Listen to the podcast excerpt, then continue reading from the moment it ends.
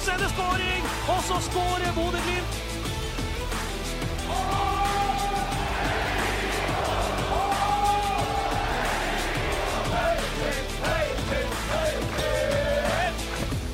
Riktig, riktig god dag og hjertelig velkommen til en ny utgave av Studioglimt. Podden Bodø-Glimt hadde den nederlandske storheten i et ja, vi kaller det ballegrep. Og så rakner det mot slutten, og det ender 2-2. Det skal vi selvfølgelig eh, snakke om i dagens eh, pod. Vi skal snakke om eh, straffen og det røde kortet. Vi må snakke litt om Albert Grønbekk, status på skadene som oppsto i går. Trenger Glimt en ny høyreving? Og vi skal òg snakke om debutantene. Med til å få dykke ned i materien har vi med oss Freddy Thoresen på vei hjem fra Amsterdam. Velkommen.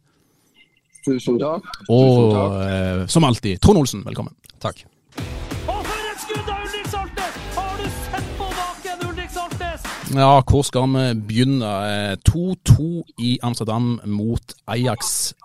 Det er jo klassisk, Trond. Altså, hadde du sagt det før kampen, så hadde du tatt det. Ja, eh, jeg tror jeg hadde tatt det ti av ti ganger, men eh, i dag så sitter man og, og er skuffa over at det er 2-2, og at man ikke har et drømmeutgangspunkt før uh, returoppgjøret. Uh, Bodø-Glimt bør og skal lede 3-0 før uh, Ajax i det hele tatt uh, er i nærheten av å få et straffespark. Og, ja. Så det er, um, det er surt, det er bittert, og det er veldig irriterende at det, det skjer på den måten. Og uh, all honnør til spillerne. De gjør en meget god kamp, og så um, får de ta det hjemme, da. Så har vi jo sett, eh, som alltid i Europa, Freddy, at det blir en folkefest. Eh, Glimt-sporterne strømmer til eh, storby etter storby, og det blir jo en, en fin ramme før kampen og etter kampen. Og kampen er jo et fyrverkeri å se på òg. Altså, hvordan opplevdes det å være på, på Johan Cruyff Arena underveis her? Jo, nå sitter jeg på Kastrup og har både reker og avokado på gaffelen. Men Bodø-Glimt hadde Ajax på gaffelen i store deler av kampen. Det er godt over 50 000 tilskuere. Det er en fantastisk stadion. Og Hjemmelaget går jo inn til pause med ganske massiv, ikke så langvarig pipekonsert, men ganske sånn Det var en markant pipekonsert i, det, i begynnelsen av når spillerne vandrer inn til pause. Så forventer jo hjemmefansen at Ajax skal komme ut i andre omgang og, og, ta tak. Og, Det er jo ikke det som skjer. Glimt spiller jo på seg mer og mer trygghet og, og eh, får da 2-0-målet. Så det var, det var, en mektig opplevelse, det var det. Og dessverre så holdt det to kreftene litt, slutt litt for tidlig. Det, med, det ble en del bytter som ble utslagsgivende, dessverre. og Ajax slapp mye mye billigere unna enn det de faktisk fortjente. Sånn fra TV-stolen så er kanskje det her de kampene jeg husker som det var mest trøkk fra tribunen. Stemmer det, Freddy, du som på en måte har vært på mange av de her. Var, var det det intense trøkket, og var det, var det det meste trøkket du har vært med på i, i en Glimt-kamp ute i Europa? Nei, altså det, det, var bra trøkk. Så voldsomt intens var det ikke. Men, men altså, det, det, er ekstremt intenst for spillerne utpå som jeg vet ikke, Man går litt i en sånn sone når man, når man sitter og er på jobb. så man merker jo at det er stemning og atmosfære, men eh, jeg tror ikke Johan Cruyff Arena er den mest sånn eh, lydøre. Det tok av på slutten, selvfølgelig, når eh, Ajax ufortjent eh, får 2-2-skåringa. Da er det trøkk. Men frem til da så har jo Bodø-Glimt sitt spill sørga for at Nederland, ganske mange av de holdt kjeft ganske mye og ganske lenge. Det sier vel kanskje sitt òg, Trond, når du ser reaksjonen både på tribunen og blant Ajax sine spillerne når de eh, utligner der på overtid? Ja, det, det, gjør jo det. Og, og Ajax vet jo at den 2-2-skåringa er ekstremt viktig. Um, å komme hit opp til til Bodø og Aspmyra og, og, slite med å skal jage skåring, det kan gi Glimt mange gode muligheter. Nå har de ikke det stresset som de ville ha hatt på, på å ligge under med et mål. Så for Ajax sin del så, så var den ekstremt viktig. For Bodø-Glimt sin del så er den kjempebitter. Vi har jo spurt dere lyttere ute på Twitter eller X om deres reaksjoner og, og synspunkt på kampen. og Det er jo veldig mange som lurer på det her, Trond. Eh, med slurv, tekniske feil. Eh, det er lett å, å skylde på at Glimt ikke er i sesong, og at de ikke har eh, spilt noe særlig med, med obligatoriske kamper ennå. Men er det for enkelt å skylde på det, eller er det en tendens vi har sett over tid, at det, det rakner såpass mot slutten? Ja, du kan jo si den, den siste skåringa eh, Eller vi kan, ta, vi, vi kan jo begynne med i, Etter byttet Jostein går ut altså Jostein syns det var outstanding i, i, går. Han var desidert best i Forsvaret og kommer inn og eh, Ja, han, han overrasker meg så til de grader. og eh, du, Duellsterk og beskytter boksen og er god på eh, være på de andre og, og, og, og gi dem high five og, vise engasjement inn, i, boksen der når, når, de gjør gode ting. Og så um, er det dessverre det byttet. Med en gang Odin kommer inn, så mister han en mann, bak seg og holder på uh, uh, ja, uh, Ajax holder på å skåre. Um, og så får du jo da straffesparket der han igjen mister en, en mann bak seg. og ja, den er kanskje billig, straffesparket, men han gir dommeren mulighet. Han er å nappe litt i han. og eh, Som spiss så vet du at når du får det lille draget i deg og i det du skal avslutte, så, så har det ganske mye å si. Det, det, kan være den lille halvmeteren som gjør at du treffer ballen eller ikke. Eh, og det røde kortet er ingenting å si på når eh, dommeren velger å dømme straffespark. Uh, og 2-2-skåringa. Fredrik André han er altfor langt inne. Han mister mannen bak seg. Nå ser han ikke ja, Hauge på ballen og får ikke slå den langt, langt nok unna. Men allikevel, Fredrik må klare å orientere seg om det som skjer bak han på bakerste sang. Der er han ikke god nok, og der, uh, der har vi dessverre sett litt for mange ganger at det er et av ankepunktene hans. Hva vil du peke på, Freddy, som hovedårsaken til at det rakner igjen eh, mot slutten for Glimt? Det er at uh, det begynner å bli en stund siden disse Glimt-spillerne har uh, spilt 90 minutter i kamp. Og det er ikke Odd eller Strømsgods eller Kristiansund de spiller mot. Det er et uh, Ajax-lag. Riktignok et svakere Ajax-lag enn på 20 år. Men det er ganske godt trente spillere som er midt i sesong. Eh, det er gode fotballspillere. Det er lands kroatiske landslagsspillere. Det er nederlandske landslagsspillere. Ja, Ajax er ikke hva de var, men det er veldig gode spillere de møter. Og det er klart det. Ingen av Glimt-spillerne har spilt 90 minutter. Det var mange som smakte på det mot, mot Malmö. Og Jostein Gundersen han er ny i klubben. Han får krampe etter 70 minutter mot, mot Malmö. Og han får krampe etter 70 minutter mot Ajax fordi at det krever så mye å være stopper i Bodø-Glimt, også i den offensive delen av spillet. Så kreftene tar slutt. Vi ser òg at uh, når Sondre Brunstad Fet må ut etter 25 minutter, så kommer Ulrik Sartnes inn. Han har ikke det tempoet i føttene som Sondre Brunstad Fet har. Og ved det byttet begynner kampen å endre karakter. Det betyr at Glimt-spillerne blir periodevis springende veldig mye uten ball og, og, og jakter og stenger rom, og det tar på. Og etter 70 og 80 minutter så, eh, så begynner det å bli tøft. Og, og, det er klart, Odin kom inn. Han gjorde Altså Jostein Gundersen og Brede Moe slapp ikke eh, spissene til Ajax bak seg én gang i løpet av kampen. Og så eh, klarer Odin Bjørtuft å slippe en Ajax-spiller bak seg to ganger på ganske kort tid. Og det kan man ikke tillate på det nivået der. Uh, så uh, det er mange faktorer som spiller inn. Men jeg tror aldri Glimt hadde tapt den kampen her hvis den hadde vært to uker fra nå av at den hadde blitt spilt med den samme utviklinga som Glimt-laget har.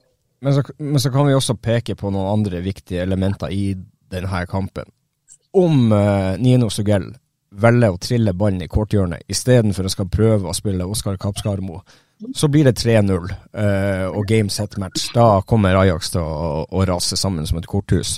Uh, Bodø-Glimt må også i andre omgang være litt flinkere til å ta vare på ball, ha lengre angrep og ikke stresse så mye. Til tider så blir det en del klareringer, og så uh, får de ballen i, i, fleisen og klarer ikke å, å få få hjelp av ballen til å uh, holde momentum i kampen og uh, ikke få den jojo-fotballen som de gjør det i perioder. Uh, så for Bodø-Glimt sin del så må de bli enda, enda råere på, på, litt lengre angrep, og, og, spesielt når de er på denne årstida der de uh, vet at de sliter litt med å stå 90 minutter. Så uh, det er en faktor. Ja, de har vel... Du, har, du, har, helt rett, Trond. og Det er bare å spole tilbake det angrepet med Nino Sugelje. Da, da, da, ruller de jo bakfra og er tålmodige. Om de har ballen i ett minutt, ett og et halvt minutt før det da ender, og er tålmodige, sånn som du påpeker, Trond.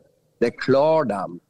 Eh, Ajax-spillerne går opp og presser, og Glimt ruller tilbake og tilbake til Haug. Og plutselig så setter oss, eh, Fredrik Bjørkan fart fremover. Finner Patrick Berg som kipper gjennom til Sugell, som, som eh, rigger riktig, og, og, Sugell skal sette den i mål. Men, men, men det, det, angrepet der er det du etterlyser, Trond, og det, det fikk de til på slutten. Og så har de en del tre-fire store overgangsmuligheter i, i sånn i begynnelsen av I den perioden de skårer det 2-0-målet, hvor de enten så er det Albert sitt touch som blir litt slurvete, Jens Petter velger litt feil pasningsvalg og, og, litt sånn. Så det ble litt for mye Hawaii til at, eh, at uh, kreftene tok slutt litt, litt tidligere enn de trengte. Og, og, så er det jo et veldig viktig poeng da med at Fet må ut med skade. Det har så ekstremt mye å si. Eh, hadde Fet eh, fått stått den kampen mye lenger, så tror jeg også Bodø-Glimt har vært, eh, vært, mye bedre.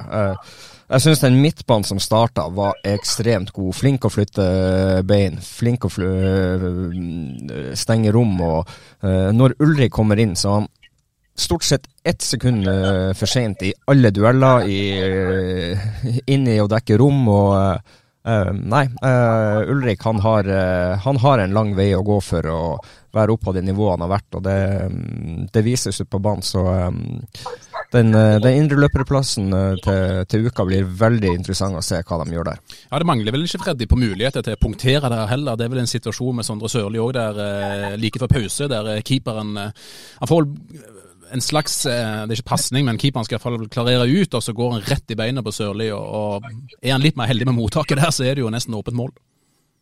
Ja, eh, helt klart at eh, den situasjonen der den oppstår fort. Men jeg tror det går an å gjøre mer ut av det enn det Sondre Sørli fikk til. Så det var, det var, veldig mye Det var veldig mange antydninger og muligheter til det som kunne blitt store sjanser, som ikke er Glimt helt klart å ta ut. Mens de jo selvfølgelig spilt seg til en del store sjanser også. hvor Sånn som 1-0-målet, det er jo fantastisk fotball. Et flott, flott angrep. og Det var flere denne type muligheter til å gjenskape det de gjorde på, eh, på 1-0-målet, som de ikke klarte like giftig. Da ser er det skåring! Og så skårer Bodø-Glimt! Vi har fått egentlig streng beskjed fra enkelte om å ikke snakke denne straffen og det røde kortet i hjel, men det er jo det som er elefanten i rommet, det er det vi må snakke litt eh, om. Du Trond, tydelig, eh, det er straffe. Eh, Freddy, er du enig i det? Var det klar straffe? Jeg skal ikke, jeg skal ikke uttale meg for tydelig på det. Altså, dommeren går jeg har jo et lite håp når dommeren går til VAR, så tenker jeg det at skal han gjøre om, var det ikke straffa likevel. Og det satt noen ved siden av meg som påsto at det der ikke er straffe, det der er soft, det der er billig. Eh, jeg satt ikke og så på den skjermen sjøl, for den eh, sto litt for langt unna. Så eh, jeg tenkte kanskje her er det håp. Men eh, det er klart når dommeren går på VAR, straffa står, og eh, trekker dem det røde kortet, da må det jo være straffe. Men Du har sett eh, situasjonen sjøl i etterkant òg, eh, vil jeg tro. Kan du være med på at det er, er det billig, eller jeg, syns du det er greit? Jeg har ikke sett situasjonen i etterkant. Nei, ok. Men du Trond har sett den, og du er veldig tydelig på at det er straffe. Hvorfor er det det? Nei, altså, så, så, lenge han dømmer på den, eh, og mener at det er holdning der, eh, så, så, er det straffespark. Eh, ja, det er lita holdning, og det er, mm, den kan være soft, men eh, som angrepsspiller så, så, blir du forstyrra når du får en, en, liten napp i deg og skal strekke deg frem. Og sånn som regelen er, eh, så er ikke det et ærlig forsøk på å ta ball. Ergo det er rødt kort når det er i den uh, situasjonen som som det, er akkurat der. Så det, akkurat det er ikke noe å si på. Jeg, jeg, tror det kjipe er her at du vil finne dommere i europeisk toppfotball som ikke dømmer straffe der. Og så vil du finne dommere i europeisk eh, toppfotball som dømmer straffe der. Det er det som gjør situasjonen litt komplisert. Og så er det jo mange, eh, spesielt med Glimt-øyne, som har retta kritikk mot dommeren. Ikke bare på den situasjonen, men ellers i kampen. Hvordan syns du han klarer det seg, Trond? Ja, det er en periode der jeg syns det skal det, det, det, er veldig lite gule briller, og de gule får, eh, får lite, spesielt i første omgang. Um, men eh, sånn totalt sett så, så er det noe Helt greit, jeg, jeg, kan ikke sitte her og si at jeg skal klage for mye på dommeren, for det, så ille var det ikke. Det er uansett ikke dommerens feil at det, det blir 2-2, det kan vi vel være enige om. Men Freddy, vi fikk se en, en Odin Bjørtuft i intervju etter kampen. og Han var kort, for å si det sånn. Hvordan tror du han takler det her? Hvordan tror du det går inn på han at det, det skjer, det som skjer? Nei, det er klart, Jeg er jo ikke toppidrettsutøver, men det er klart den der svir, den er kjip. Den kommer, de situasjonene kommer han til å ha litt på netthinna. Både når han sitter og spiser en bedre middag, og når han sitter og ser på TV, og når han er på trening, og når han skal legge seg. Så han blir ikke ferdig med de der situasjonene med det aller første. Vet du om Bjørtuft er en som benytter seg av Bjørn Mannsverk og det tilbudet som er der Glimt, eller hvordan er han rundt det? Det har ikke jeg oversikt over. Da er vi kanskje Trond på Er vi tilbake til Saltnes på San Siro? Er det like avgjørende? Tar han like tungt, tror du? Er veldig vanskelig å si. Men for, for, for meg så, så, viser det bare hvorfor uh, det er andre stoppere som er prioritert før han. Uh, og, og, og, igjen Gundersen, han var, han var solid. Altså, måten han leser spillet på, han har tatt ut de situasjonene tidligere i kampen. og Med en gang det byttet kommer, så skjer det noe i forsvaret, og du mister litt ut av den tryggheten og den der, forsvar, ja, forsvaringa av boksen og det. Så det, det, det for meg så er det, er det jo soleklart hvorfor han, uh, Gundersen spiller, og at uh, Odin er på, på benken. og um, Det ble skjebnesvangeren til byttet.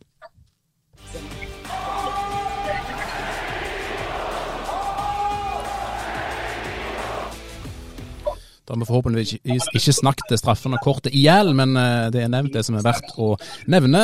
Det er én ting som man snakker om etter kampen i går. En annen ting som jeg tror veldig mange snakket om både underveis i kampen og etter kampen, det er jo Albert Grønbekk som løp fletta av Ajax og sitter igjen som tomålsskårer. Er det hans beste kamp i gult, Trond? Ja, Det er jeg litt usikker på. Han, han leverte en, en, veldig god kamp i går og, og skårte to mål. Jeg sa det i et intervju med nederlandsk presse her før kampen at uh, pass på uh, nummer åtte Albert Grønbæk. Han kan bli et mareritt for uh, Ajax. Og han, og han, var det ganske lenge. og de kunne ha drømt veldig om han enda i kveld. Hel, uheldigvis for Bodø-Glimt så, så retta Ajax litt av inntrykket opp på slutten. Og du Freddy, du ga en nier på børsen. Har du gitt den så høyt noen ganger før? Det vil jeg jo kanskje tro at du har? Jeg får håpe jeg har det, men jeg er ikke sikker. For jeg husker ikke Jeg har liksom ikke stått Jeg er ferdig med kampen når den er ferdig. Da husker ikke jeg Til neste kamp husker jeg ikke hva de fikk på denne kampen. Sånn funker mitt hode. Men uh, det er klart Albert var outstanding, og de måten han starter angrepet, eller er med og bidrar med den flikken til Patrick Berg eh, i begynnelsen av angrepet som leder til 1-0, og måten han avslutter på og kommer seg inn i boks og kan ta imot pasninger fra Jens Petter Hauge, det er, det er skyhøyt nivå. Han drar opp ganske mange sånne overganger gjennom ledd hvor han sprenger forbi Ajax-spillerne med ballen i beina. og Det er enormt tempo og driv i spillene. Så har han fortsatt en del sånn eh, avgjørelser. Han, han, kan, han kan velge bedre avgjørelser med, med ballen. da. Og så hadde han også et par sånn slurvete touch som stoppa en del sånne eh, overgangsmuligheter. Men det, det, er skyhøyt nivå, det han gjør. Og han var jo by far den beste spilleren ute på, ut på, banen der. Og det er en del spillere som tjener litt mer på motstanderlaget enn det Glimt-spillerne gjorde. Hvorfor er det sånn, Trond, tror du, at han leverer jo så skyhøyt på toppnivået sitt, men så er det som Freddy sier, det er den slurvefeilen, sliter litt med touchen. Eh, hva kommer det av, tror du? Han er mye involvert i det og uh, vil ofte ha ball, og så prøver han på noen C-momenter innimellom. og Du ser jo i forkant av 1-0-skåringa, så er det jo en, en fantastisk flikk som, som gjør at uh, alt åpner seg for Patrick, som kan slå ballen ut til, eh, til Jens Petter. Det, det var vel en flikk i forkant av 2-0 òg, men den lyktes han ikke like mye med? Nei, der er han uheldig, men da er gjenvinninga som, som, gjør at det blir skåring. Eh, og så vil jeg jo faktisk si det at når du bruker Håkon som spiss òg, så får du en ekstra mann som jobber skjorta av seg, og som springer, og som plutselig er nede i Altså, du har en spiss som er nede og, og forsvarer. Det, det er så imponerende, for eh, etter Ulrik var kommet inn, så, så ser du Ulrik er sånn luntende etter, og så kommer Håkon i full spurt eh, hjemover og skal forsvare, og det er det er viktig for Bodø-Glimt i disse kampene at du har folk som kan være og springe og plage og frustrere motstanderne. Og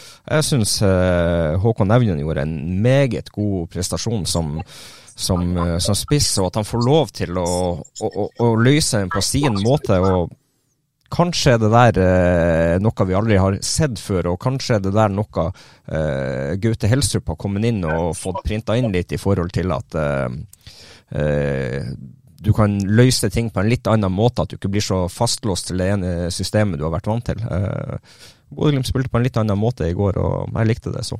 Kommer tilbake til Evjen og de andre debutantene òg, men litt mer om Grønbekk. Freddy. Nå signerte han jo en uh, ny kontrakt med Glimt, til mange sin overraskelse nå nylig. Uh, når han viser seg fram på denne måten her, på denne scenen, hvordan tror du muligheten er for salg av han allerede i sommer? Og hvor dyr blir han da?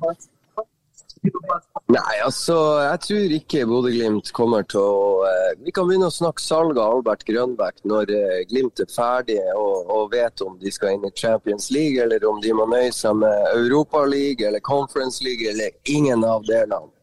Da, eh, når, når, man vet hvordan det har gått i europakvalik for Bodø-Glimt, da, da, kan vi begynne å diskutere salg av Albert Grønbæk, tenker jeg frem til da så tror jeg Da tror jeg andre klubber bare kan drømme om å sikre seg han. Så hvis det kommer et bud på 200 millioner på han i sommer, så er svaret nei uansett, tror du? Ja, fra Bodø-Glimts side, ja. Eh, før eh, kvaliken er gjennomført. Før de vet alle svar i forhold til hvordan det går med kvalik. Men ja, jeg ser at Jesper Mathisen mener at eh, hos TV 2 mener at prisen nå begynner å nærme seg 200 000. Men det er nå foreløpig Jesper Mathisen som mener det. Så får vi se da på hva størrelsen på budene eventuelt er når de foreligger på pulten til Bodø-Glimt. Men det, det, også, det, det, blir jo litt spekulasjoner. Men la oss si at Bodø-Glimt slår ut Ajax nå, og han kommer inn i neste runde og han gjør to-tre gode kamper til. Plutselig er verdien mellom, mellom 200 og 300 millioner til sommeren og det kommer inn et bud fra en stor klubb som Albert vil til.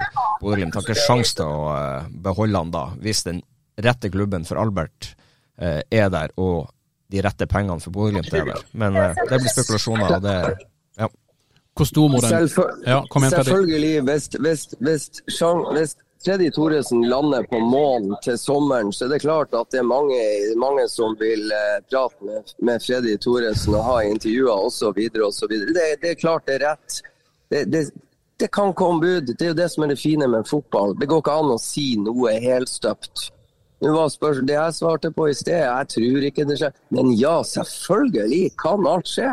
Det kan komme et bud på 250 millioner fra fra en klubb som Albert ønsker til, og da blir jo Glimt på et vis tvunget til å selge.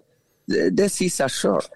Han er ikke i Bodø. Altså, Bodø er ikke hans endestasjon, og, og det er ikke hans drømmedestinasjon. Så alt kan skje. Alt er i spill, og det er jo det som er så spennende. Du som er så tett på han Freddy i hverdagen, han Grønbæk. Hvor, hvor, hvor, til stede er han, og hvor bevisst er han på sånne ting som det her eh, sjøl? Jeg vet jo at det er lett å si at man kun tenker Glimt og, og lar agenten ta seg av eh, forhandlinger, bud og sjo og hei, men, men hvor, hvor ned på jorda er han egentlig?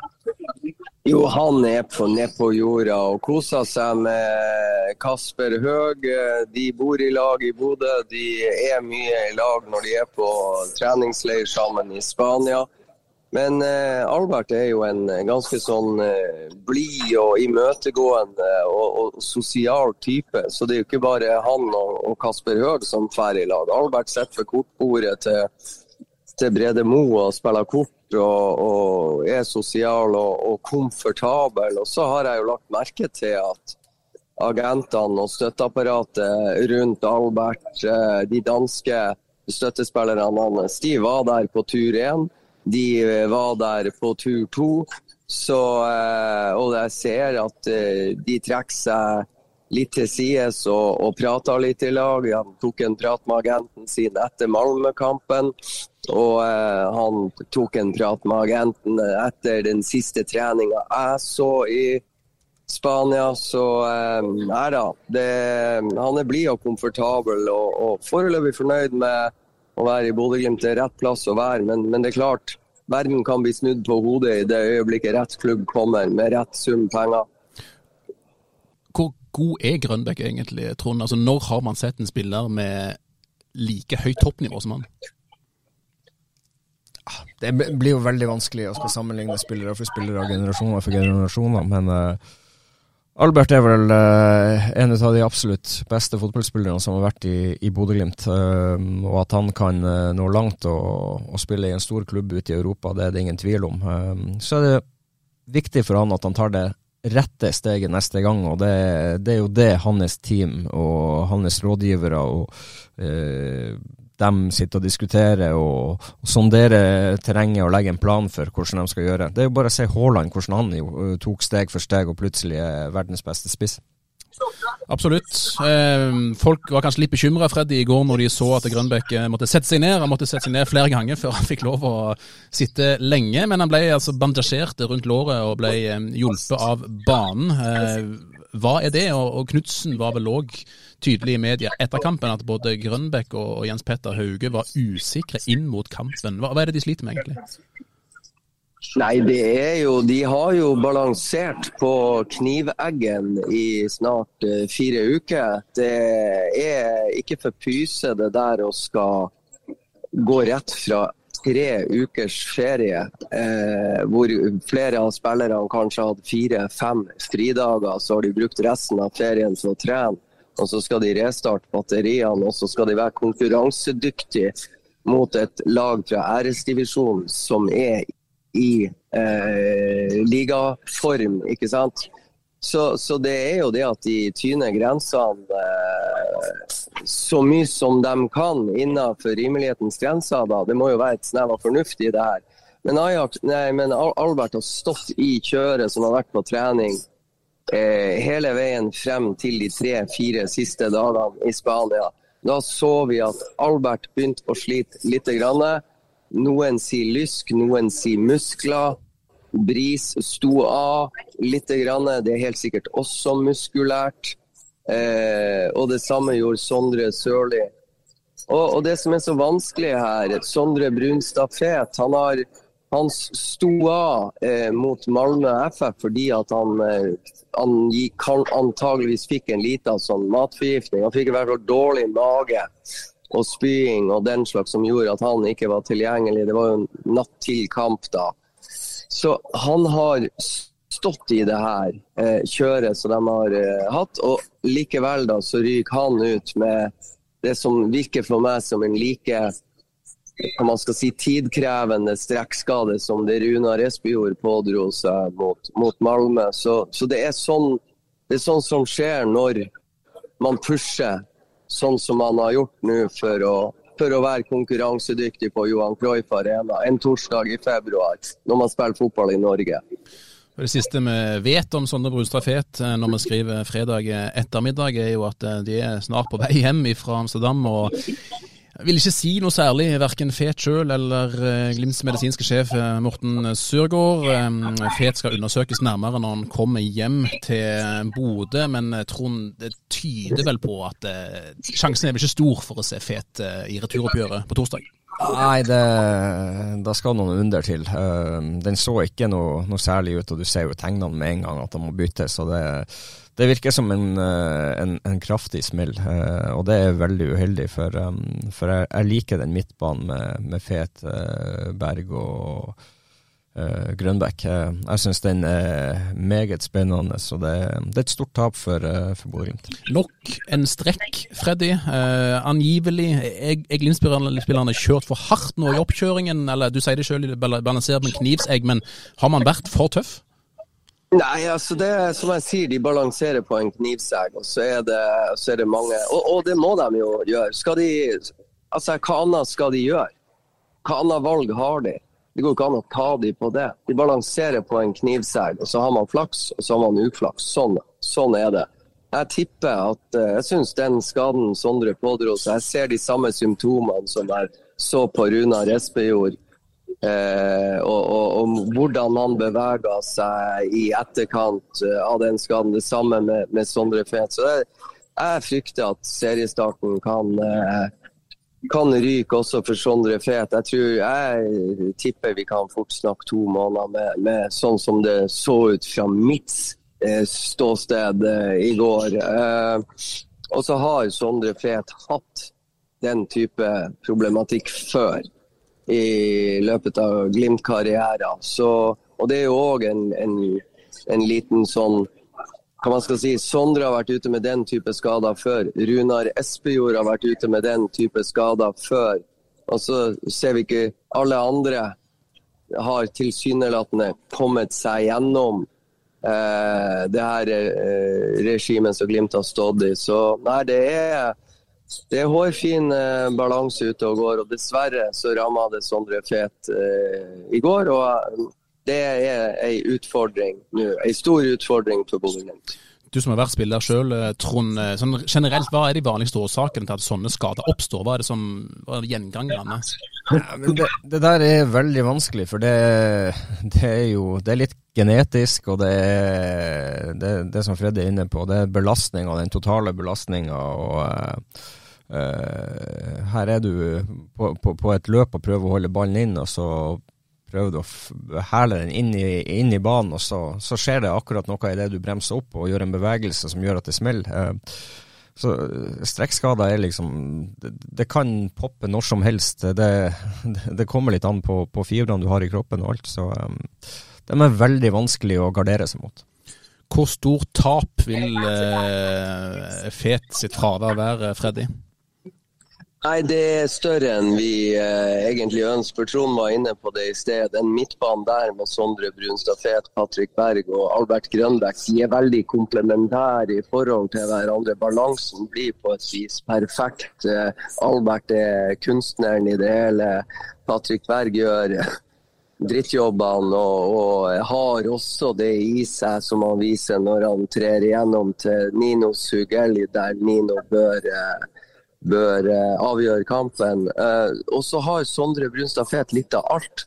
Han kan være teknisk briljant. Det har lugga litt i sånn avslutningsfasen for han eh, i, i, i, sisten, i, slutten av fjorårssesongen. Men han har jo vært ikke sant, nesten et år uten fotball, så han kom jo mer og mer inn i det, i fotballrytmen i løpet av uh, høsten i fjor. Og, og jeg syns han har bevist i, i de oppkjøringskampene med Glimt at han, han er uhyre viktig. Han er en litt sånn undervurdert type som balanserer resten av laget steike bra. Altså. Og det blir ikke enkelt å finne en som passer. Håkon Evjen er jo den som har det, ikke sant? Som, som jeg tror Knutsen ønsker på, uh, i høyre indreløperposisjon. Håkon, Patrick.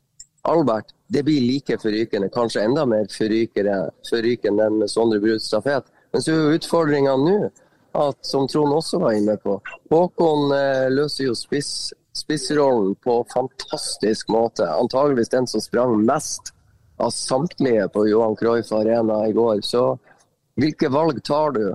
Uh, nå. Det blir ikke helt enkelt. Det, du har en Gulliksen som du kan uh, Du kan enten bruke Gulliksen uh, som spisskant eller indreløper i, i, i, neste oppgjør. Så er det bare hvordan de velger å, å gå, gå, frem og, og, løse den måten, men der, der, er jeg enig med deg, Trond. Jeg, jeg tror jeg vil ha fotrapeter til Gulliksen på Aspmyra. Om det blir høyre indreløper eller spiss. Den fotrapeter og, og innsats, arbeidsmoralen tror jeg ville ha på banen.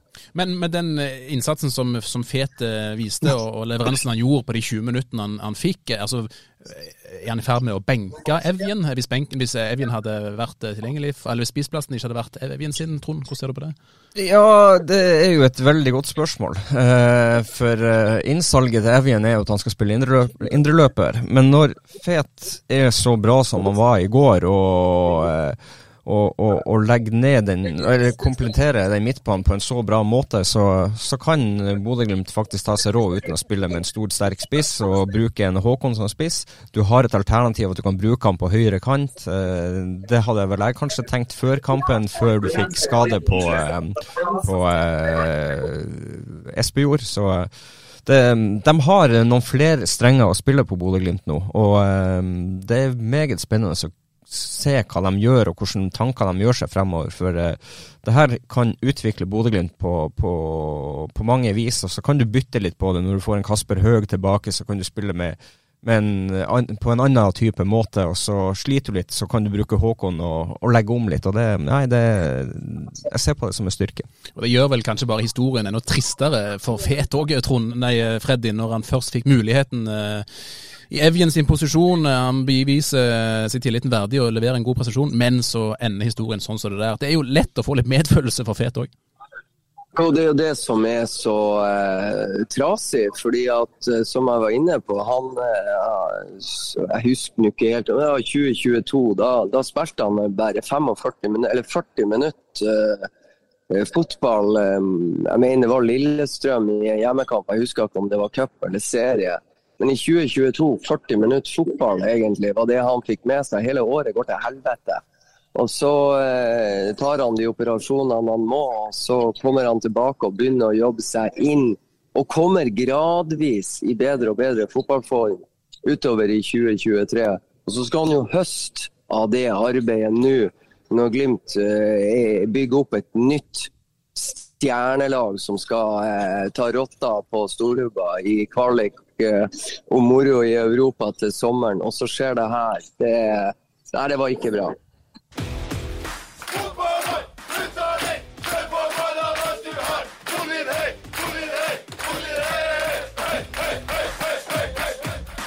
Det var både høye fjelltopper og lave dalfør på børsen din i går, Freddy. Vi har vært inne på at du ga Albert Grønbæk en nier, eh, vel fortjent. I andre enden av skalaen så har du plassert Sondre Sørli på en firer. Eh, jeg sitter sjøl og ser kampen og lurer litt på må Glimt gjøre et eller annet på høyresiden, Trond? Har Sondre Sørli det nivået som trengs, eller?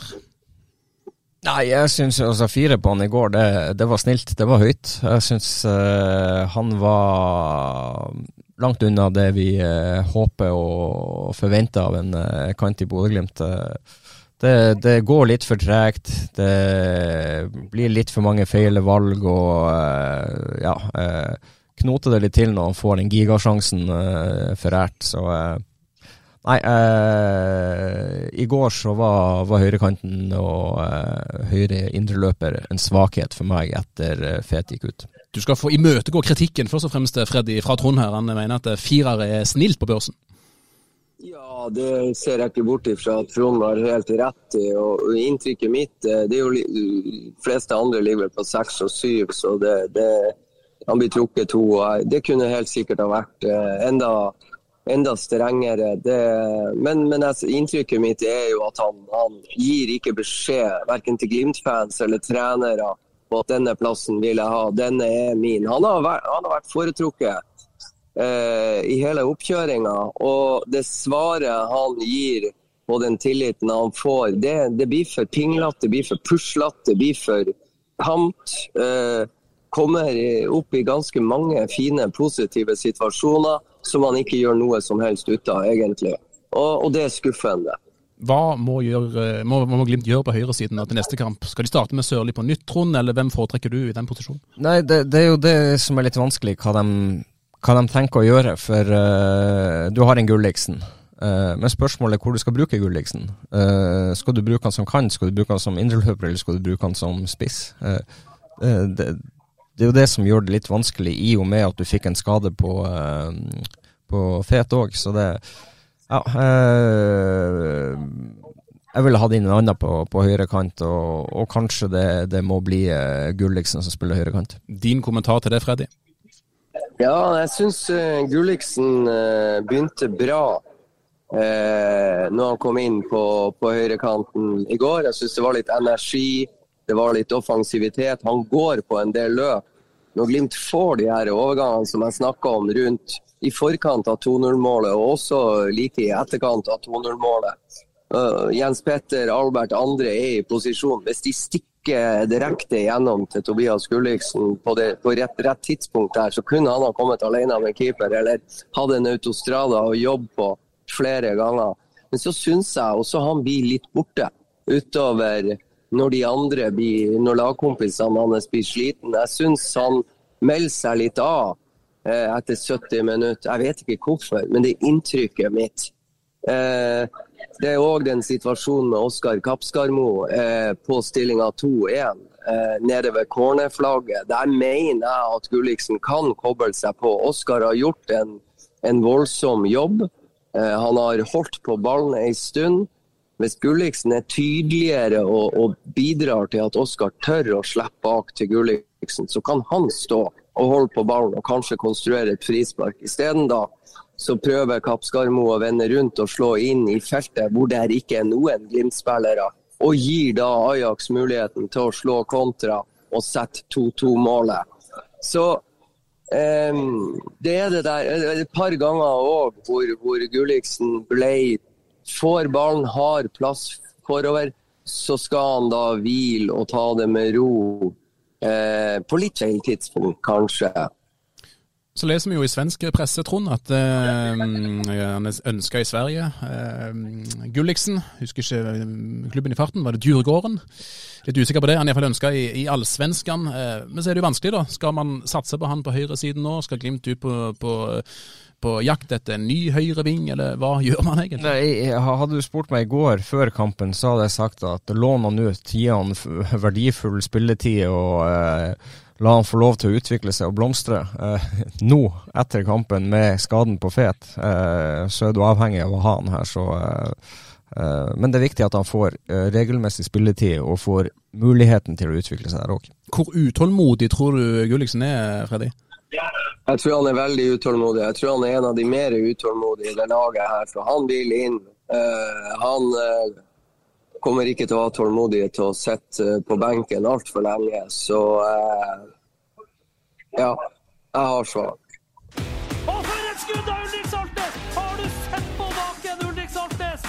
Ja, litt eh, igjen å snakke om, om Ajax-kampen. Det kan være det gjør vondt for enkelte å høre på, men vi må jo snakke litt om debutantene som eh, fikk sitt første eh, obligatoriske eh, sine første obligatoriske minutter for eh, de helgule mot Ajax. Vi begynner bakerst, Trond. Kjetil Høeg, hvordan syns du han klarer seg?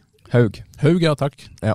Nei, jeg syns han uh, gjør en positiv og god kamp. Uh, imponerende med beina. Uh, har noen vanvittig fine stikkere rett inn på midtbanespillere, indreløpere. og det er um, jeg syns han gjør mye bra. Litt uheldig på, uh, på den ene situasjonen uh, der han ikke får slått ballen langt nok unna for, i forkant av 2-0. Og så lurer jeg jo på det, Nei, når, når, han først uh, har vært ute og slått den ballen der, greit nok, bommer litt der, men så blir han jo stående et stykke ute, som gjør at det blir rom til å lobbe over han. Bør han gjøre mer for å komme seg tilbake i mål før han stopper opp og venter, eller hvordan ser du det? Ja, det kan du si. Han kan, han kan, kan sikkert prøve å komme seg kjappere tilbake, men han hadde ikke rukket det uansett. Det, det er en fantastisk avslutning, og det, det, det er så godt gjort for uh, uh, mange der vil bare ta, ta ned ballen og klinke til. Uh, her, er her, er han så rolig og, og balansert og bare venter på ballen, og så chipper den perfekt over. Så det, du må ikke ta vekk æren fra den skåringa, for det, det, er godt gjort. Det er jo mye som skjer i forkant òg der. ikke sant? Den corneren som,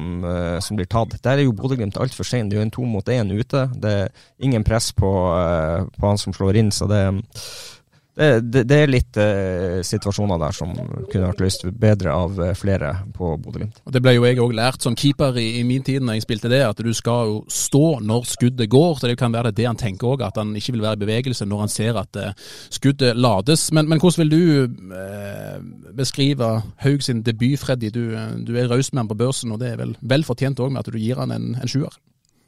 Nei, altså det er imponerende. Han har knapt vært i klubben ei uke, og så skal han eh, stå med ansvaret aller bakerst på Johan Cruyff Arena mot mektige Ajax. Eh, jeg syns han gjør et veldig veldig godt inntrykk. Og et par av de tingene som imponerer meg mest, det, det er noe med med timinga av og til på en del eh, gjennomspill eh, mot eh, hurtige Ajax-spisser, så, så syns jeg han treff, traff ofte veldig bra de gangene han valgte å gå ut eh, langt ut i feltet og snappe opp foran nesen på de så jeg syns timinga så Altså, han nøler ikke. Det, det virker som han skanner bildet veldig bra, har god oversikt. Og så ser jeg òg at, at, han har litt uflaks på, på 2-2-skåringa, men, men, jeg tenker òg, Trond i, det må jo være rimelig kaotisk i hodet på steike mange når man får den 2-1 imot. Eh, en mann mindre, mindre ja og, og, og, Ajax trykker på. Så det koker jo godt i hodet, tenker jeg. Ikke bare på spillerne utpå der i helgult, men også trenerne og for oss publikum. Så det, det er det er jævlig lett å sitte i etterkant og kritisere. Ja, jeg tror, men, men, tror det er uhyre vanskelig å være der. Jeg vil bare ikke frikjenne Fredrik André helt der, for jeg syns han Nei, det, er altfor langt det, inne. og har han, Er han én til to meter lenger bak, så er han oppe i situasjonen, ja. og da er den mest sannsynlig avverga. Så du, du, du må ta han også på det. Jeg er helt enig med deg. Det, det, koker i hodet. Du peker på det, de som ikke følger helt med på den corneren og får slått inn litt uten press. Eh, Brede Mo som kanskje kunne ha senka seg inn, sluppet mann og senka seg inn og forutsett Altså rygga inn på streken tidligere og kanskje hedda unna. Men jeg tror det er jævlig lett å sitte og se på TV. Og, og så er hele clouet her Steven Berghaus er en landslagsspiller på Nederland, en rutinert jævel som nesten er usynlig hele jævla kampen. Og så er det selvfølgelig han som trekk frem det C-momentet det faktisk er. Og kipp den på første touch. Litt pressa, så bare legger du den perfekt i en bue over der. Jeg tror ikke det er mange spillere, norske spillere Altså, Jeg tror ikke Bodø-Glimt-spillerne som var utpå der, har sett noen noen gang gjøre det der så presist og tenke så kjapt. Så der tenker jeg at Steven Berghaus lurer samtlige med norsk pass over at han var i stand til å gjøre akkurat det han gjorde. For jeg tror ingen forventa det.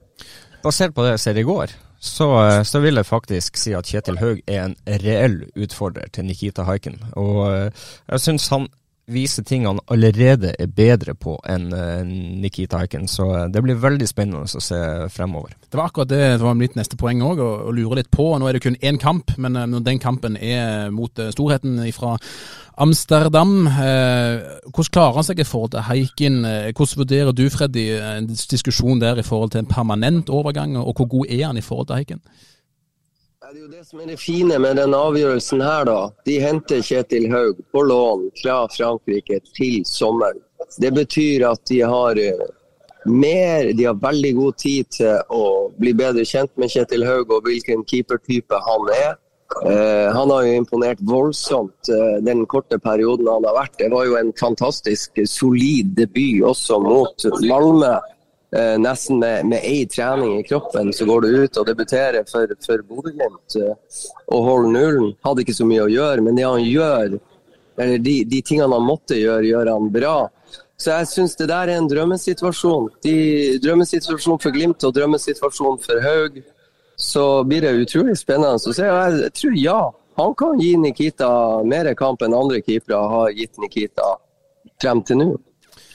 Absolutt godkjent av eh, Kjetil Haug. Eh, du har òg vært inne på Jostein Gundersen. Eh, Trond, solid debut der òg? Ja, bunnsolid. Så lenge han er på banen, så slipper Bodø-Glimt knapt nok Ajax til noen ting. den kampen han leverer i går Jeg frykta tempoet hans, at han er litt temposvak av det, men du verden. Han, så han leser spillet, han er på protect the box og forsvare seg godt. Eh, fotballklokskap på, på, høyt nivå, så eh, Jostein Gundersen han var by far den beste forsvarsspilleren i går. Så er det noe som har vært oppe i dette studioet her eh, flere ganger før, Freddy. Det var når Gundersen spilte i TIL, nemlig det som TIL gjør når de får til en god redning eller en god avverging, at de feirer. og Det betyr utvilsomt mye for dem. og Det ser vi jo på, på Gundersen nå i går. altså Se hva det betyr for han når eh, Kjetil Haug har en redning, og han, Gundersen driver fekter mot publikum. og er liksom, Han er skikkelig i det, altså. Ja, og det er smittende, det er smittsomt og det er viktig. Det skaper engasjement. Det sørger for at man er på tå hev. og det, det, er artig for, for, oss å se på. Jeg tror det er betryggende for spillerne med og rundt. De, de lever i det. De, De må få inn den mentaliteten at for oss her bak så er ei matchvinnende takling som f.eks. Bris med Bangomo hadde i andre omgang eh, en situasjon, så, så, skal det feires på like solid måte som eventuelt en målgivende pasning eller en skåring. Det skal bety like mye. Og det ser vi at uh, Glimt-spillerne med Jostein Gundersen sin tilstedeværelse er begynt å fokusere på. Av andre debutanter så har vi snakket en del om Håkon Evjen allerede. Nå fikk ikke han spille i sin vante posisjon heller, men uh, han får mer enn godkjent, uh, han òg. Uh, Jens Petter Hauge har jo òg sin offisielle redebut, for å si det sånn. Hvordan syns du han klarer seg, Trond? Jeg syns han gjør mye bra, og så forsvinner han litt mer og mer ut i, i kampen. Han har noen situasjoner der han kanskje utfordrer litt for, med, med, litt for høy fart, så han mister kontroll over situasjonene. Jens Petter får, får, godkjent av meg. Jeg vet at han har enda mye å gå på, og uh, blir spennende å følge han fremover. Og så er det veldig godt gjort i, i forkant av 0-1, der han bare venter av første, andre og spiller på tredje bevegelse, som gjør at Albert får ballen i en meget gunstig posisjon, og så er han iskald og bare triller han i korthjørnet. Så det er mye bra på Jens Petter, og forventer enda mye, mye mer av han. Hvor godt tror du det var for han Freddy å bevise at han er, han er der han var, nesten der han var iallfall, før han forlot Glimt? Jo, det er selvfølgelig godt, men det virker på hele Jens Petter at han er utrolig glad for å være tilbake i Bodø-Glimt. Og får restarte egen karriere der han bør restarte. Han utstråler glede og engasjement og trivsel. Og jeg syns Jens Petter gjør det Sondre, Fet, nei, Sondre Sørli ikke gjør på motsatt kant. Han, han utfordrer. Trond han har av og til litt for, for, stor fart, men jeg liker bedre det at han prøver eh, å få det inn og gjøre det til en vane. Sett på fart, sett på finter, plag de. Eh, og det gjorde han i store perioder, som jeg òg honorerer han for. Han er uhyre lojal og ganske godt trent, og tok noen voldsomme drittjobber defensivt. Også Jens Petter Hauge, som forteller meg at han allerede er en ganske voksen fotballspiller. Nå skal han bare få inn den der lekenheten, den der gleden igjen med å spille fotball i helgult. Så jeg syns det var en, en, en meget sterk, sterk start på eh, på gjensynet for han i Bodø-Glimt uh, i Amsterdam i går. Jeg må si det. Ja, så får vi bare håpe at han fortsetter det. det vi vet jo at det kommer mindre kamper i fremtida. Her er en stor, stor kamp, og han har lyst til å vise seg frem fra en god side. Så må Sulten være der i, når han kommer i, i de vanlige kampene i Eliteserien, som ikke er på, på, på den samme skalaen. Hva fikk man med han eh, som man ikke ville fått med Pelle, og vice versa? Hva ville Pelle Grino bidratt med som ikke Hauge bidro med? Nei, men det, det, det, kan du egentlig bare ta. Så med den fronttreeren der, så får du jo mye mer intensitet i, i presset og, eh, og, bevegelse. og eh, de plager mye, mye mer eh, motstanderen. Eh, og så er det kombinasjonsspillet syns jeg òg er, er veldig, veldig, bra til tider. Så det Nei, eh, måten Bodø-Glimt spiller på med den her, på denne måten er er ganske bra. Og ja, de kunne ha klart, det, klart å holde det sånn med enten Farris eller Pelle, men ikke med begge to. Så det Jeg syns eh, det her gir Bodø-Glimt eh, en veldig spennende inngang på sesongen, og mm, den ser veldig lys ut, den eh, sesongen her.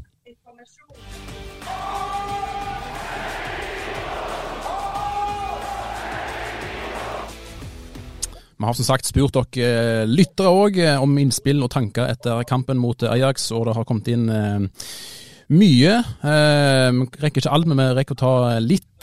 Kristoffer VS på X syns at det virker som om både Jens Petter og Håkon har tatt steg til tross for varierende grad av spilletid i utlandet. Enormt nivå fram til de går litt tomme. Men hvor godt kan dette laget være til sommeren når Champions League-kvaliken skal spilles? Trond? Det kan være ekstremt godt. Eh, jeg syns det ser eh, veldig, veldig positivt ut. og uh, vi vet jo òg at Håkon ikke er tiltenkt å spille i den posisjonen, så det, det, blir veldig spennende å se hvordan ting utarter seg med tanke på skader og, og alt fremover. Men, men jeg, har, jeg, har, veldig trua på at det her laget kan knekke noen nye koder og levere noe vi ikke har sett før. Freddy eh, Mats eh, Skauge på Twitter eh, lurer på var ikke Berghaus utestengt? Nei, han fikk tydeligvis bare én kamps karantene for rødkortet. Han eh, pådro seg borte mot Marseille 30.11. Den er eh, god. Eh, flere spørsmål som har kommet eh, inn. Eh, skal vi se Eh, Adrian lurer på er Knutsen altfor lojal til spillere som Sørli, Fet og Wembangomo, Trond? Uh, eh, nei, det er han jo i grunnen ikke. Uh, nå syns jo jeg at uh, Bris gjør en fantastisk kamp i, i går. Han er bunnsolid defensivt. eh, tar, eh, tar stort sett lurven av, eh, av Ajax. Eh, Også på slutten så ser du at han han er smart. Han begynner å gå tom for krefter, og da tar han ikke de offensive løpene i like stor grad. og Det, det går på smartness, og, og du, er, du er nødt til å spille litt på resultatet, resultat og ta de, de rette valgene. Um, Sørli har vi vært innom, og jeg tror han henger i en tynn tråd. Han, han må virkelig ta opp hansken hvis han skal ha spilletid fremover. Ian Spira eh, sier at det er en av de verste dommerne han har sett. Eh, aldri straffe med bra nok resultat, og vi vinner i Bodø, påstår han. Hva tror du, Freddy? Vinner Glimt i Bodø?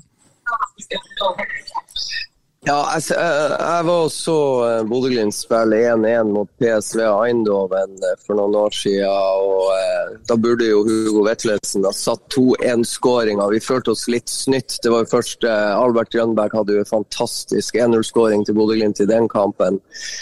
Og så kommer da PSV Eindhoven med et litt sånn reserveprega mannskap og ja, utspilte Bodø-Glimt litt på Aspmyra. Vant 2-1. Nino Zugell kom inn og reduserte på slutten. Men nederlendere vet hva kunstgress er. Nederlendere kan spille fotball på kunstgress, men eh, jeg tror eh, det er såpass mye frynsete nerver i De, de er så plaga eh, denne sesongens utgave av Ajax at jeg tror Bodø-Glimt straffer dem knallhardt og eh, kommer seg videre til neste runde etter at kampen på Aspmyra er spilt. Og det er jo et poeng at både Hato og Berghuis eh, sier i, i nederlandsk media at de hadde problemer med å sette et press på Bodø-Glimt. De klarte ikke å finne ut av måten hvordan de skulle presse Bodø-Glimt for, for å stoppe dem. og det, det mente treneren ikke var, var tilfellet, så det, de har sett det på litt forskjellige måter. Vi kommer tilbake med en Og, og jeg tror Trond eh, Glimt-spillerne kommer til å være enda dristigere i igangsettinga bakfra. Eh, på, eh, I trygge omgivelser på Aspmyra kunstgress som som de kjenner. Så jeg tror, jeg tror det kommer til å føles enda verre for Ajax eh, å skal få det her presset til å stemme. Jeg tror de kommer til å, å gå feil. Og, og Ajax er jo ikke et lag. Ajax det er jo det som er det interessante med denne kampen. Ajax er jo aldri et lag som går og legger seg bakpå og skal forsvare noe. Det er jo ingen av de spillerne der som har i blodet. Så det blir jo kanskje litt sånn halvhøyt, halvoffensivt. Og det kan bli fryktelig feil på Aspmyra for de. Ja, og jeg, jeg syns jo sånn Ajax er ganske bra de første fem-ti minuttene, for da er de flinke til å vende, bar, øh, vende fra side til side og, og strekke og dra litt i Bodø-Glimt. Og så kommer Bodø-Glimt senere og får stått av det første, første trøkket, og da, da kommer de mer og mer inn i kampen. og Det, det blir viktig for Bodø-Glimt hjemme òg, at de øh, kanskje får på seg et trøkk i starten og klarer å håndtere det, og så bi, ta, ta mer og mer over kampen. Vi skal selvfølgelig ha en egen podkast i forkant av returoppgjøret neste uke, som skal snakke mer om den kampen da. Eh, Helt på tampen så må vi ta med spørsmål fra Georg Tande òg, som lurer på hva som skjer med Isak Helstad Amundsen. Han eh, sier jo at det er et fryktelig svakt forsvarsspill av en uthvilt eh, Bjørtuft, men hva skjer med Isak? Altså Hva som gjør at de velger en Bjørtuft foran Isak Helstad Amundsen der, Freddy? Jeg tipper det handler om kommunikasjon og tilstedeværelse ute i kampen. Det å gi beskjeder til de rundt deg, det å ta kommandoen, det å være tydelig, det å være lydhør. Det å ta den plassen Jostein Gundersen tar når han er på banen, for han hører du. Så tror jeg at uh, Isak må bli mer eh, Altså Han må gi mer beskjeder, han må være tydeligere med de rundt seg. Veldig bra. Noe mer å legge til, Trond? Har du noe på hjertet?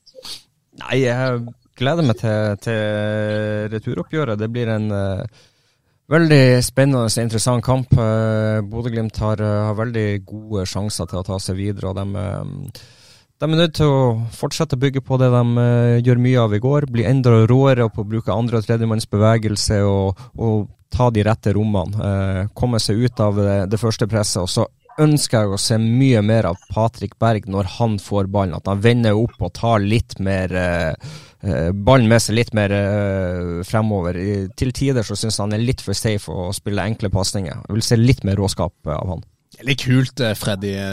Patrick Berg mot Jordan Henderson der ute. Du har Liverpool i ditt hjerte sjøl, Freddy. Hvordan er det å se, se, den tidligere Liverpool-kapteinen utpå der i går, som egentlig har løfta det som er å løfte av trofé?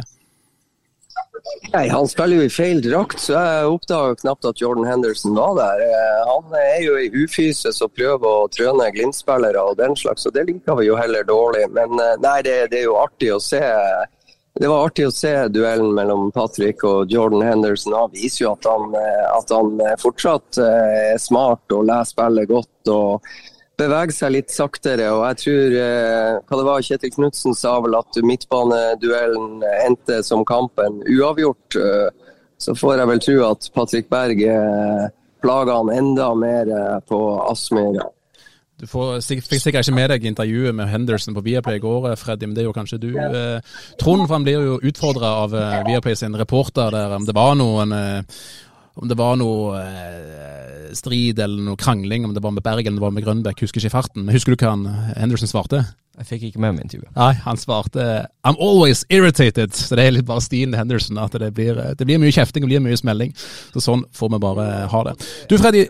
Det faktisk herlig. Det er herlig. Det er fantastisk. Du Freddy er på uh, tur hjem. Du har mer, vært mer på, på, farten den siste måneden. Du har vært uh, hjemme. Uh, hvordan skal du restituere nå fram mot returoppgjøret neste uke? Nei, det var egentlig et godt spørsmål. Det skal bli utrolig godt å komme tilbake til Bodø, det må jeg bare si. Og se mine kjære damer på hjemmebane. Jeg skal spille en del musikk, det kan jeg garantere. Høy musikk.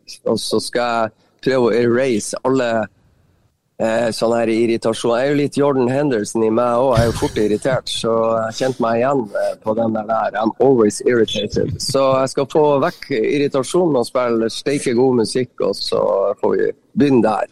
Det er du sikkert ikke alene om. Tusen takk for at du var med på vei hjem fra Amsterdam, Freddy, i Kastrup for anledningen. Tusen takk, Trond, for at du òg kom i studio nok en gang, og tusen takk nok en gang, kjære lyttere, for at dere er med oss. Vi er tilbake med en ny utgave før Ajax-kampen neste uke. I mellomtiden, ha en riktig god helg. Takk for følget.